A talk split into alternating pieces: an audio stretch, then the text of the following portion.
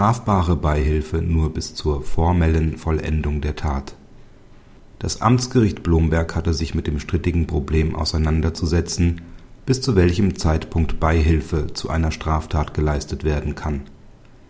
In dem der Entscheidung zugrunde liegenden Fall hatte der Täter versucht, das verunfallte Fahrzeug seines Bruders zu bergen und sich gegenüber der Polizei am Unfallort wahrheitswidrig als dessen Fahrer ausgegeben.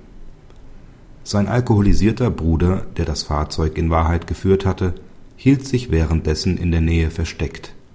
Das Amtsgericht hat die Eröffnung des Hauptverfahrens wegen Beihilfe zum unerlaubten Entfernen vom Unfallort abgelehnt.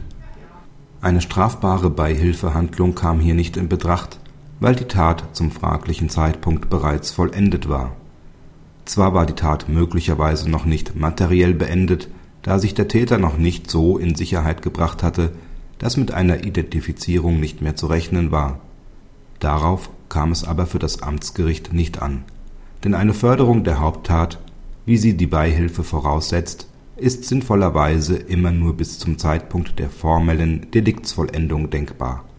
Danach kommen allenfalls noch Anschlussdelikte in Betracht, wobei hier die versuchte Strafvereitelung wegen des Angehörigenprivilegs straflos bleiben musste. Ausblick Die Entscheidung ist deshalb bemerkenswert, weil die Rechtsprechung bislang regelmäßig davon ausging, dass eine strafbare Beihilfe noch bis zum Zeitpunkt der materiellen Tatbeendigung möglich sei. Ob sich die restriktivere und dogmatisch auch überzeugendere Gegenauffassung des Amtsgericht Blomberg bei den Obergerichten durchsetzen wird, bleibt abzuwarten